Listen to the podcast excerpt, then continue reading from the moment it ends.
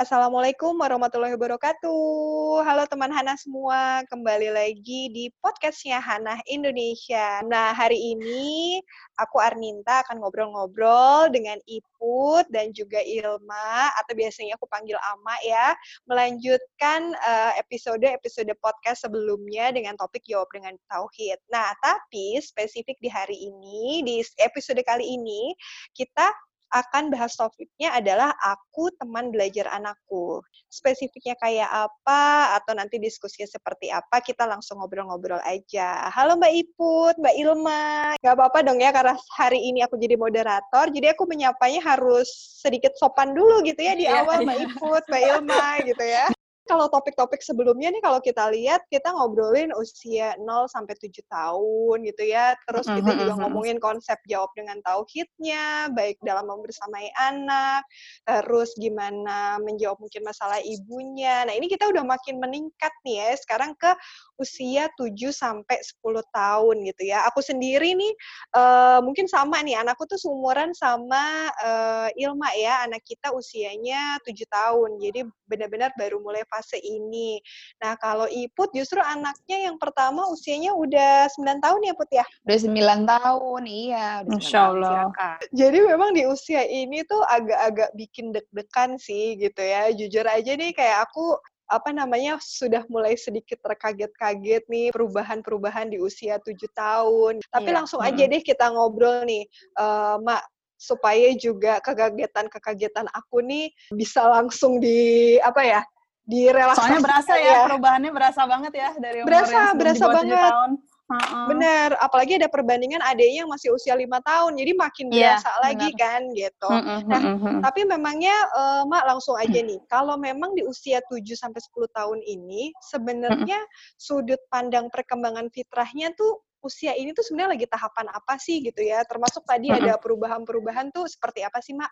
Oke, okay, bismillahirrahmanirrahim. Jadi uh, emang kalau kita lihat dari sudut aspek perkembangan fitrah ya, dari rentang lahir sampai akhir balik itu kurang lebih dari lahir 0 tahun sampai 15 tahun kurang lebih. Itu bisa dibagi menjadi tiga fase. Fase yang pertama ada 0 sampai 7 tahun di mana yang paling berkembang itu golden age untuk fitrah keimanannya, untuk menumbuhkan fitrah keimanannya. 7 sampai 10 itu adalah golden age untuk menumbuhkan fitrah belajarnya dan 10 sampai 14 tahun itu adalah golden age untuk menumbuhkan fitrah bakatnya. Nah, kita pernah bahas tuh di episode sebelumnya bahwa 0 sampai 2 itu yang paling peka adalah pendengarannya yang paling berkembang. Terus usia 2 sampai 7 kita lihat dia sering menirukan orang dewasa, itu yang paling berkembang adalah uh, penglihatannya. Nah, kalau di usia 7 sampai 10 maka itu yang paling berkembang adalah justru akalnya atau uh, apa ya bernalarnya dia gitu. Dia tuh sangat antusias dan bergairah untuk belajar sesuatu yang menantang pola pikirnya dia. Seperti misalnya melihat keteraturan melihat pola di alam dan kehidupan seperti itu. Jadi uh, di 7 sampai 10 tahun itu adalah golden age untuk fitrah belajar dan bernalar. Uh, gimana caranya si fitrah belajar ini mendukung untuk terus menumbuhkan fitrah keimanan adalah dengan memperkenalkan Allah sebagai Malik. Malik itu adalah Allah tuh sebagai raja Allah tuh sebagai uh, yang memerintah seluruh alam semesta, Allah itu sebagai yang memiliki pola dan keteraturan gitu. Jadi setelah tadinya kita udah kenalkan dia bahwa semua itu ciptaan Allah, sekarang kita bisa ajak dia untuk lebih teliti lagi melihat, masya Allah keren banget ya, ternyata di dalam pembuluh darah kita itu ada tiga macam darah, ada keping darah, sel darah putih, ada gimana kalau ada bakteri datang gitu? Oh diikat sama sel darah putih. Ya Allah Allah keren banget ya. Terus apalagi keteraturan? Ternyata Allah itu uh, bumi itu dikelilingi uh, bulan ya. Maksudnya pada orbitnya kemudian ada matahari kemudian tatanan tata surya. Memang hal-hal ini sebelumnya di 0 sampai 7 pernah kita perkenalkan. Tapi sekarang kita lebih dalamin lagi untuk supaya dia melihat bahwa memang Allah lah pemilik semua pola dan keteraturan yang ada di alam semesta gitu kayak kurang lebih. Jadi uh, fokusnya terhadap anaknya adalah supaya dia tuh apa ya? Dia melihat belajar itu sebagai sesuatu hal yang menyenangkan. Kalau 0 sampai 6 atau 0 sampai 7 belajar itu adalah dengan cara bermain, maka 7 sampai 10 itu dia belajar dengan cara dia explore, dengan cara dia ekspedisi, dia lihat profesi yang ada apa aja sih. Terus ternyata di balik setiap barang yang aku bisa lihat, ternyata di belakang itu tuh ada proses produksi, ada pro, uh, ada proses kreatif, ada uh, proses di mana kita bisa ada masalah yang kita temukan solusinya gitu. Jadi dia belajar cara mencintai ilmu, dia belajar menghargai proses bahwa ternyata makanan itu nggak serta merta ada di meja, ada proses di dalamnya, ada alat-alat yang dipakainya dan di belakang alat itu ada lagi industrinya gitu. Jadi bisa berkembang sangat luas. Nah, jadi fokus anaknya adalah untuk supaya dia punya gairah bernalar, sementara untuk orang tua kita fokus untuk jadi teman belajarnya dia. Nah sering diminta sama Iput, uh, hmm. kita sering dengar kadang-kadang uh, terus gue yang ngajar gitu ya kan gue suka nggak nggak punya tuh ilmunya tentang itu gitu. Padahal sebetulnya yang diharapkan anak adalah sebetulnya orang tua menjadi teman belajar dan teman belajar itu tidak harus selalu punya jawaban atas hal-hal. Cuman satu yang paling mesti diingat adalah karena kita dalam rangka untuk memperkuat fitrah keimanannya jadi kita balikin lagi bahwa semua jawaban ada di dalam sebuah buku bernama Al-Quran. Dilengkapi lagi dengan hadis-hadis dari Rasulullah dilengkapi lagi dengan ensiklopedia di buku-buku sains dan lain-lain. Jadi bahwa balik lagi ya di podcast kita yang tips jawab dengan tauhid bahwa kita uh, kaitkan semua dengan Allah dan Rasulnya dan uh, kita kaitkan juga jawaban dengan ilmiah atau sains karena uh, sains sangat erat kaitannya dengan ketauhidan gitu. Jadi akhirnya dia bisa mulai melihat semuanya itu sebagai satu kesatuan yang utuh gitu nih kira-kira Masya gitu. Allah mungkin berarti ya memang selama ini ya mungkin karena udah dari kecil dulu mikirnya ya ya udah gitu science is science gitu ya mm -hmm. terus kemudian mm -hmm. agama adalah agama padahal sebenarnya si fitrah uh, belajar ini sangat mendukung uh, menumbuhkan si fitrah iman tuh ya karena betul. tadi ha. si science itu ternyata ya salah satu juga ya cara uh, apa namanya tips and tricksnya untuk uh, jawab dengan tauhid kita lanjut ke Mbak Iput. Ya, Mbak Iput. Yeah. Iput Kurang akrab rasanya. Iput kan anaknya udah usia 7 sampai 10 tahun. Tadi kan Ilma bilang soal uh, orang tua menjadi teman belajar anak. Nah, kalau Iput sendiri pengalamannya menjadi teman belajar anak tuh seperti apa sih gitu? Karena kadang-kadang tuh aku sendiri gitu ya, uh, terutama waktu belum uh, paham benar soal jawab dengan tauhid dan sekarang pun sedang masih berproses belajar gitu ya. Kadang-kadang terjebak pada yang penting gue harus bisa ngajarin gitu ya atau satu iya, sisi iya. udah yang penting anak belajar gue di sebelahnya gue nemenin apalagi lagi belajar belajar online sekarang gini kan nah kalau Iput sendiri sebenarnya memposisikan orang tua sebagai teman belajar anak tuh pengalamannya seperti apa sih Put gitu Nah ya, jadi gini nih, kayak um, bener tadi katanya Ilma gitu, udah mulai berbeda anak tuh feel-nya membersamai mereka di usia di bawah tujuh tahun dan di atas tujuh tahun tuh udah mulai berbeda. Apalagi hmm. sekarang uh, anakku yang pertama udah 9 tahun, yang kedua masih lima tahun. Jadi lumayan agak ini ya Kelihatan ya. antara nemenin yang satu sama yang kedua eh Pak, iya yang uh, yang pertama sama yang kedua gitu. Jadi kalau yang kecil itu aku masih bisa kayak sok-sok asik gitu, bawa seru-seruan iya. gitu kan. Yang uh. yang anak pertama ini tuh udah kalau misalnya aku bawa untuk eh ayo kita apa siapa yang mendapat pahala gitu-gitu tuh udah yeah, kayak yeah. yang gimana ya? Udah kayak apaan sih bu? Salah lebih kritis ya? gitu. Oh, iya. Nah ternyata aku menemukan si anakku yang pertama ini di usianya sekarang dia lebih seru kalau diajak diskusi tentang suatu hal nih untuk ngobrolin sesuatu untuk ditanya pendapatnya dia gimana sih terhadap suatu hal gitu.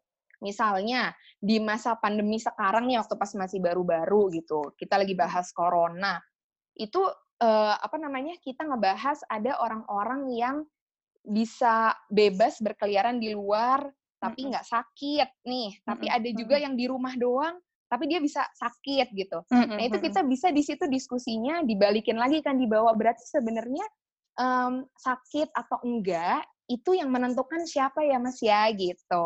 Terus uh, tapi sebenarnya yang Allah nilai itu apa ya? Pokoknya waktu itu diskusinya tuh pada akhirnya yang Allah mau lihat itu adalah uh, ikhtiarnya kita nih, ikhtiarnya kita hmm. untuk berusaha sehat gitu misalnya. Hmm. Terus waktu itu juga bahas tentang masker gitu. Wah, ini ada orang-orang hmm. yang ngejual masker tapi dimahalin kayak gitu. Yeah. Nah, menurut hmm. masyarakat gimana nih? Allah ngelihatnya gimana ya kayak gitu Betul. loh Nin. Jadi kita ajak mereka diskusi, tapi kayak tadi kata Ilma tetap ditarik lagi semuanya ke Allah gitu. Terus kayak tadi hmm. uh, apa namanya? Uh, misalnya aku itu juga sama keluarga itu kan hobinya itu traveling nih. Hmm. Nah, hmm. jadi sebenarnya kalau orang mungkin ngelihat ah traveling cuma jalan-jalan hura-hura doang gitu. Hmm, Padahal hmm. ketika kita traveling gitu, aku masuk ke hutan, aku nggak usah masuk ke hutan deh, as simple as di eh, jalan ngobrol. tol di kota gitu ya. Ah, di- terus Mm. begitu ngobrol sama supir Mm-mm. eh, jeep gitu misalnya waktu itu pernah lagi ke Bromo gitu. It- terus ada orang jualan itu sebenarnya udah jadi banyak hal untuk jadi bahan Betul. diskusinya Mm-mm. gitu sama dia gitu. Ngeliat Mm-mm. kalau ternyata tuh banyak sekali loh jalan untuk dapat ridhonya Allah gitu. Mm-mm, betul. Gitu lewat cara apa pun. Jadi di- dia Lewat, jadi suka ini ya, jadi suka untuk ngobrolin hal lebih dalam ya, kayak jadi bernalar, berpikir dan cari solusi gitu ya. Iya Dan iya jadi- benar jadi dia Jadi inget banget yang kemarin Ustadz Hari bilangnya di kajian Hanah ya eh, di salah Oh, satu iya. podcast juga ada raise your child is uh, raise your benar. Betul. gitu ya karena Iya benar. tadi pada saat dulu belajar pertama, waduh eh, teman belajar anak, aku tuh kadang suka kepikiran, aduh bisa nggak ya gitu ya, aku Iya. berdiskusi kayak yang tadi Iput diskusi sama Raka gitu ya, mm-mm. Eh, sanggup nggak ya aku diskusikan hal yang sama gitu dengan Uh-uh. Raka, tapi ternyata memang itu jadi memicu kita orang tuanya juga untuk ikutan belajar ya Iya sebenarnya. benar Iya. banget. Jadi Hmm. nggak usah nggak usah takut sih Nin kalau misalnya kita dapat pertanyaan yang susah-susah gitu. Agak Karena random justru, ya. Hmm.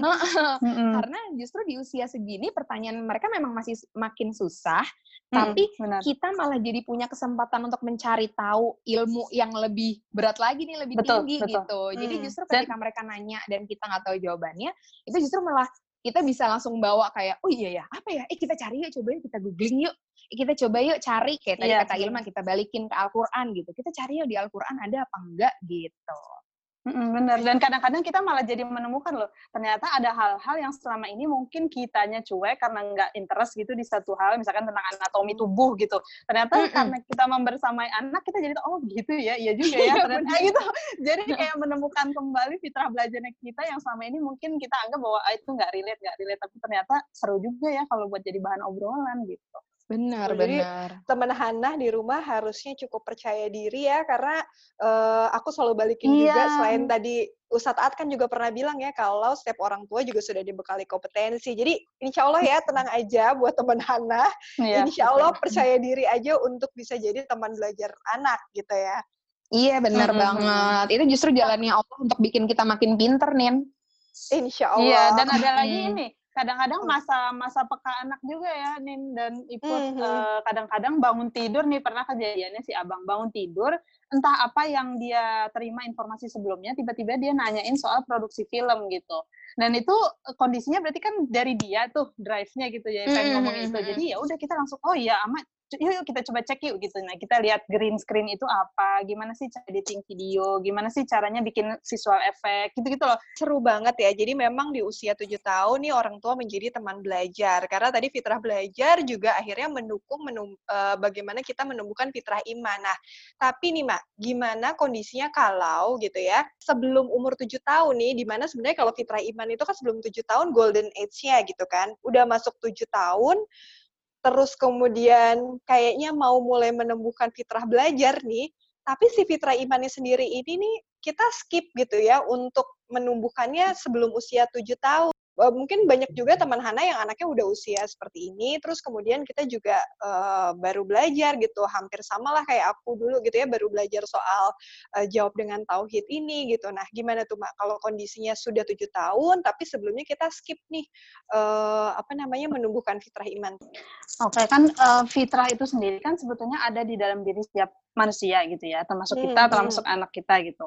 Nah, karena fitrah itu ada di dalam diri, maka perkembangannya itu sebetulnya eh, terjadi secara alami gitu. Jadi eh, Hmm. tanpa harus kita apa-apain dia akan tumbuh sebetulnya. Jadi begitu udah masuk usia umur 7, kita akan melihat tuh tanda-tanda dia mulai kritis, dia mulai nanya, terutama untuk fitrah keimanan ya, dia akan nanya Allah tuh ada di mana, eh, aku kepengen ketemu, Rasul itu dulu tahun berapa gitu dan punya uh, apa namanya belum ngerti timeline gitu ya, belum tahu ini kapan sebelum apa gitu kan. Nah, jadi dari uh, 0 sampai 7-nya belum diperkenalkan kepada Allah, maka akan sangat tepat waktunya untuk sekarang kita perkenalkan. Jadi di usia 7 sampai 10 kita tetap urut perkenalkan dulu kepada Allah, tapi bisa sedikit dipercepat karena dia mulai bertanya bukannya tentang bahwa ini ciptaan siapa, ciptaan siapa, tapi juga bertanya tentang yang lebih luas lagi gitu. Jadi kita uh, tetap bisa nggak ada kata terlambat ya dan Allah itu tepat waktu. Jadi nggak bukan kebetulan misalnya baru sekarang kita belajar tentang ilmu ini gitu ya.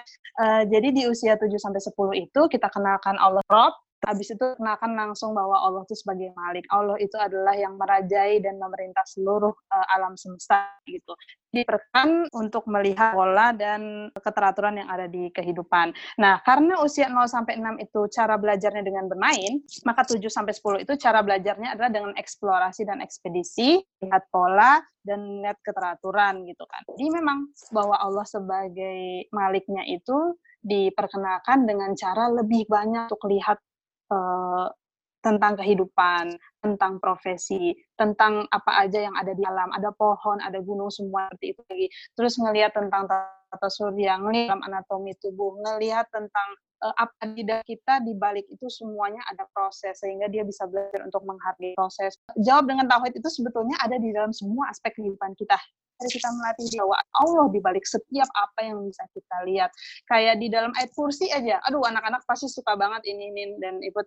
Ayat kursi itu ada satu part, uh, lahuma fis samawati wal art. Maksudnya Allah tuh pemilik semua yang ada alam semesta ini gitu. Dan itu menantang banget buat mereka. Dan bahkan mengenalkan Al-Quran kepada mereka itu bisa dengan seseru itu. Kayak contohnya Al-Fatihah ada tujuh ayat bahwa tiga ayat pertama itu adalah caranya Allah bicara ke kita gitu kan. Allah tuh uh, segala puji bagi Allah. Allah adalah dia pemilik hmm. raja dan segala macamnya gitu. Uh, kemudian tiga ayat terakhir itu adalah tentang kita yang minta Allah gitu ya. Uh, ihdinas syiratal mustaqim ya Allah kasih tahu jalan yang lurus bimbing aku gitu ya. Terus uh, dan seterusnya dan seterusnya. Nah yang menarik adalah dari tujuh ayat tiga adalah cara ngomong ke kita, tiga yang terakhir adalah kita minta sama Allah, sementara di tengah-tengahnya ada iya, kudu, kain. Jadi pola seperti itu tuh akan menarik untuk lihat anak, wow, Quran tuh keren banget ya, gitu. Misalnya di Al-Baqarah.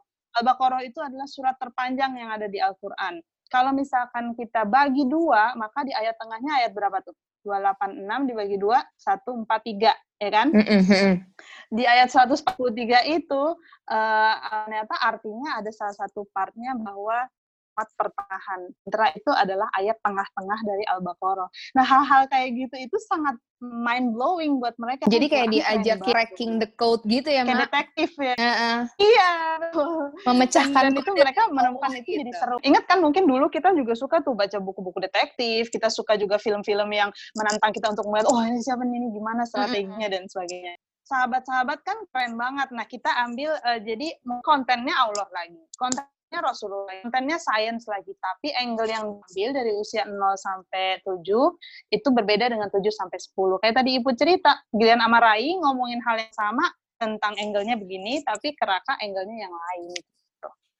Oke, okay, hmm. jadi uh, tetap terus karena tadi fitrahnya sebenarnya kan memang sudah ada, tapi sedikit agak dipercepat ya dalam artian kita agak uh, memperbanyak tadi ya diskusi-diskusi, tapi juga disesuaikan dengan tahapan usianya tadi ya, Mak ya. Jadi uh, insya Allah uh, mm-hmm. teman Hana yang mungkin sebelumnya uh, apa namanya sedikit skip soal fitrah iman ini, insya Allah gak ada kata terlambat, kita uh, coba terus. Nah, tapi nih pengalamannya sendiri kalau dari Iput, nah kadang-kadang ya mungkin uh, Iput uh, sebelum kita rekam podcast tadi kan kita sempat diskusi kalau uh, sebelumnya alhamdulillahnya sebelum tujuh tahun nih fitrah imannya sudah ditumbuhkan tadi ya dengan uh, cerita dengan kecil, membangun kecintaan sama Allah gitu ya. Mm-hmm. Tapi pernah nggak sih Put ada pengalaman justru pada saat sekarang usianya 7 sampai 10 tahun tuh mm-hmm. uh, ada kondisi-kondisi di mana uh, ada challenge atau justru bentuk komunikasinya seperti apa put gitu. Misalnya soal sholat. Karena kan gini di banyak uh, luar sana gitu ya pada saat umur tujuh tahun gitu ya bahkan uh, ada yang lebih kurang dari itu orang tua ada yang kayak kok anakku nggak mau sholat? gitu ya. Terus kayak terus uh, pada saat kok kamu nggak mau sih? gitu ya kok kamu ini? gitu ya, Drama ya orang ya. tuanya Habis itu dimarahin. Iya, abis itu dimarahin gitu ya. Terus kemudian jadi stres sendiri gitu kan orang tuanya gitu ya. Dan itu dialamin gak cuman yang mungkin tadi sebelumnya mungkin kita skip menumbuhkan dulu kecintaan kepada Allah atau justru kayaknya gue udah deh gitu ya. Nah itu gimana tuh Pot Iya. uh, membangun si komunikasi ini nih uh, pada saat uh, si Mas Raka udah mulai masuk tujuh tahun, udah mulai sholat, udah mulai puasa tuh gimana Pot pengalamannya Pot? Mhm. Sebelumnya aku mau bilang dulu ya, kalau misalnya Hmm. kita sebagai ibu ada perasaan, aduh kok anak aku kenapa nggak mau sholat, kenapa nggak mau ngaji, terus kita Pengen jadi anak soleh ya. itu sebenarnya Iya. wajar ya. Maksudnya iya siapa sih yang Betul. nggak mau gitu anaknya jadi anak soleh Fitrah. gitu. Ibu ya. Mm. Iya benar, emang udah fitrahnya ibu gitu, kepengen anaknya jadi baik. Jadi sebenarnya itu perasaan yang nggak kenapa-kenapa sih gitu. Cuman kan sekarang gimana Hmm. caranya untuk kita eh, ngakalin itu gitu. Nah kita untuk ngakalin perasaan kita itu kan dengan kita punya ilmu ya, makanya kita obrolan nih sekarang nih. Gimana iya. sih Sikapi ya. seharusnya, ha-ha, gitu. Nah jadi untuk Raka sama Rai kebetulan memang dari kecil aku belum membawa mereka untuk ke apa ya ke ranah dosa-dosaan gitu loh. Jadi misalnya kamu kalau nggak sholat nanti dosa, kamu kalau nggak ngaji nanti dosa. Aku nggak ke sana dulu gitu. Jadi bener-bener penekananku adalah Allah itu maha penyayang, maha pengasih, dan yang selalu aku ingat ya karena mereka memang belum balik, mereka belum ada dosanya. Jadi kalau misalnya aku Betul. bilang nanti Mm. kamu dosa loh ya, aku kan bohong dong gitu. Nah jadi dari dulu aku belum waktunya ya. Heeh, jadi dari dulu aku selalu berusaha untuk mengajak mereka sholat itu untuk ngobrol sama Allah, untuk makasih sama Allah. Jadi misalnya, ih tadi seneng banget habis main sama temen-temen, kita makasih dulu ya sama Allah yuk, kita sholat maghrib kayak gitu. Jadi ngebawanya tuh kayak gitu. Nah, cuman bener kata Ninta nih, rasa-rasanya dari kecil udah kayak begitu, eh kok sekarang ternyata si Raka anak yang pertama ada aja gitu malesnya diajak sholat gitu, malesnya disuruh ngaji itu ada aja dan sebenarnya itu wajar ya mak karena maksudnya kita pun yang udah sampai sedewasa ini betul. kita udah sering dengar kajian kita udah Baru nemu sekarang ya. gitu nah Iya. Kadang keimanan kita juga naik turun gitu kan ibaratnya mut-mutan lah gitu. Nah jadi sebenarnya eh, itu hal yang wajar juga. Cuman yang aku selalu eh, selalu lakukan sama kayak gitu. Jadi pokoknya eh kita ngobrol dulu kita makasih dulu sama Allah dan aku itu ke Raka karena dia anaknya sudah besar. Kayak tadi eh, dia lebih senang diajak untuk diskusi. Jadi aku tuh udah pernah bilang sama dia mas karena kamu sudah besar ini kan kamu sudah mulai harus rajin sholat nih. Jadi, ibu hanya ngingetin kamu sekali atau dua kali ya. Jadi, pas habis azan, ibu ngingetin, ayo kita sholat. Gitu. Kalau kamu masih belum mau, ya udah. Nanti ibu ingetin lagi kalau udah mau habis nih waktunya. Nah, habis itu ya udah terserah kamu gitu. Nah, nanti kalau ternyata dia eh, meninggalkan sholat, kita tinggal nanya gitu. Tadi nggak sholat ya mas? Nah biasanya sih kalau kalau aku ngomong kayak gitu dia langsung ah iya aduh nggak sholat. Ah terus gimana? Gitu kayak kayak heboh sendiri gitu deh. Iya, nggak iya, tahu iya. beneran nggak tahu enggak ya Terus Cuman kita cool intinya sih- aja ya, kita cool dulu ya. Iya, benar. Kita stay cool aja gitu ya. Kamu kenapa tadi nggak sholat? Kan ibu Mm-mm. udah ngingetin gitu. Terus gimana dong nih kalau nggak Mm-mm. sholat gitu. Terus kira-kira Coba Gi ngomong Eh, sama Allah gitu ya. Iya gitu. Ya udah sana coba ngobrol sama Allah gitu. Terus kira-kira menurut kamu Allah gimana kalau Mas Raka eh, nggak sholat dan seterusnya gitu loh. Jadi kita balikin lagi ke diskusi tadi itu nih gitu karena untuk usia mereka tuh udah udah paling males dah kalau disuruh-suruh dikasih tahu harus begini begitu gitu. Jadi eh, biarkan itu keluar mereka gitu. Itu masalah sholat ya. Terus satu lagi nih masalah ngaji nih aku mau cerita. Kalau apalagi di sekarang ini kita lagi school from home itu sekolah kan biasanya ngasih tabel untuk anak-anak checklist di rumah sholat apa enggak ngaji apa enggak gitu kan untuk guru memantau lewat si tabel itu gitu nah terus ternyata em, ya itulah ya kita tuh juga manusia kan kadang kita lebih eh, apa namanya kita gampang banget untuk sholat sunnah gitu tapi kita kok puasa males gitu nah sama nih ternyata di anak-anak juga kayak gitu nih si Raka untuk disuruh sholat gampang dia untuk puasa penuh itu dari umur eh, kecil itu dia udah semangat gitu. Tapi ternyata untuk masalah ngaji dia agak males-malesan nih Nin ternyata gitu. Nah, jadi ketika pas dikasih checklist pun dia karena dia nggak dapat uh, motivasi internalnya ya, dia nggak dapat dorongan dari dalamnya, jadi dia ngerasa males gitu. Jadi ketika pas disuruh uh, checklist checklist, terus dia nggak ngaji, terus aku bilang ya udah berarti disilang dong mas itunya tabelnya. Iya ntar disilang meraka gitu kan. Aku terus kayak oh wow terus gimana ya? Kan aku nggak bisa ngapa-ngapain dong. Maksudnya tetap harus menjaga supaya dia melakukan ngaji itu ya karena Allah gitu, bukan karena ibunya, bukan karena tabelnya. Jadi gue yeah, harus mingkem nih ketika itu gitu. Mm -hmm. Oh, ya udah dia memilih untuk silah, mm -hmm. oke okay, gitu. Tapi ternyata yang aku lupakan itu ditemukan sama ayahnya. Jadi ayahnya mm itu bilang ke Raka suatu hari gitu, kak kamu kalau ngaji dibaca dong artinya gitu. Kita kita baca artinya yeah. gitu bareng-bareng. Jadi pernah waktu itu sama ayahnya ditemenin lagi-lagi ya ditemenin untuk belajar. Jadi hmm. mereka sama-sama ngaji, terus sama-sama baca artinya, terus mereka diskusi hmm. seru banget waktu hmm. itu. Hmm. Hmm. Nah, ternyata setelah itu Raka jadi seneng banget ngaji sama baca artinya nih. Iya. Nah, gitu. Soalnya. Ketika dia uh, uh, ketika dia baca artinya, dia di situ baca kisah-kisah, dia dapat pengetahuan. Nah, jadi seolah-olah kayak otak dan hatinya dikasih makan gitu loh. Benar. Jadi ternyata benar tuh fitrah belajarnya tumbuh deh tuh gitu gara-gara iya, si ayahnya ditemenin belajar, dia nemu oh, ternyata ketika aku baca Al-Quran, aku baca artinya, aku dapat pengetahuan, aku dapat hmm. ilmu, aku dapat cerita dari situ. Karena Al-Quran kan 80%-nya kisah ya dan kebetulan si anaknya Betul, suka iya. baca buku cerita juga gitu jadi dia di situ baru hmm. menemukan asiknya nah jadi alhamdulillah hmm. deh uh, ternyata hmm. baru tahu lagi oh iya benar ternyata makanya memang proses nggak bisa dipaksa ya iya itu dia ternyata hmm. benar memang kita harus membersamai mereka untuk belajar ketika mereka menemukan hmm. kalau apa yang mereka lakukan itu bisa tadi itu ngasih makan otaknya ngasih makan Betul. hatinya mereka jadi ngerasa hmm. apa ya fulfill gitu loh jadinya uh, udah deh langsung dapat strong why-nya kenapa harus melakukan ibadah ini gitu nih Masya Allah. Jadi memang membersamai anak itu uh, harus terus menerus ya, nggak bisa cuman oh ya iya, udah. Jadi masih harus terus menerus ya gitu ya. Nah mm-hmm, uh, iya. seru banget ya obrolannya soal uh, Fitra Iman dari episode-episode sebelumnya sampai sekarang masuk mm. juga udah ke usia Golden Age Fitrah belajar sampai tadi kita sharing-sharing pengalaman gimana mm-hmm. jadi teman belajar anak gitu ya.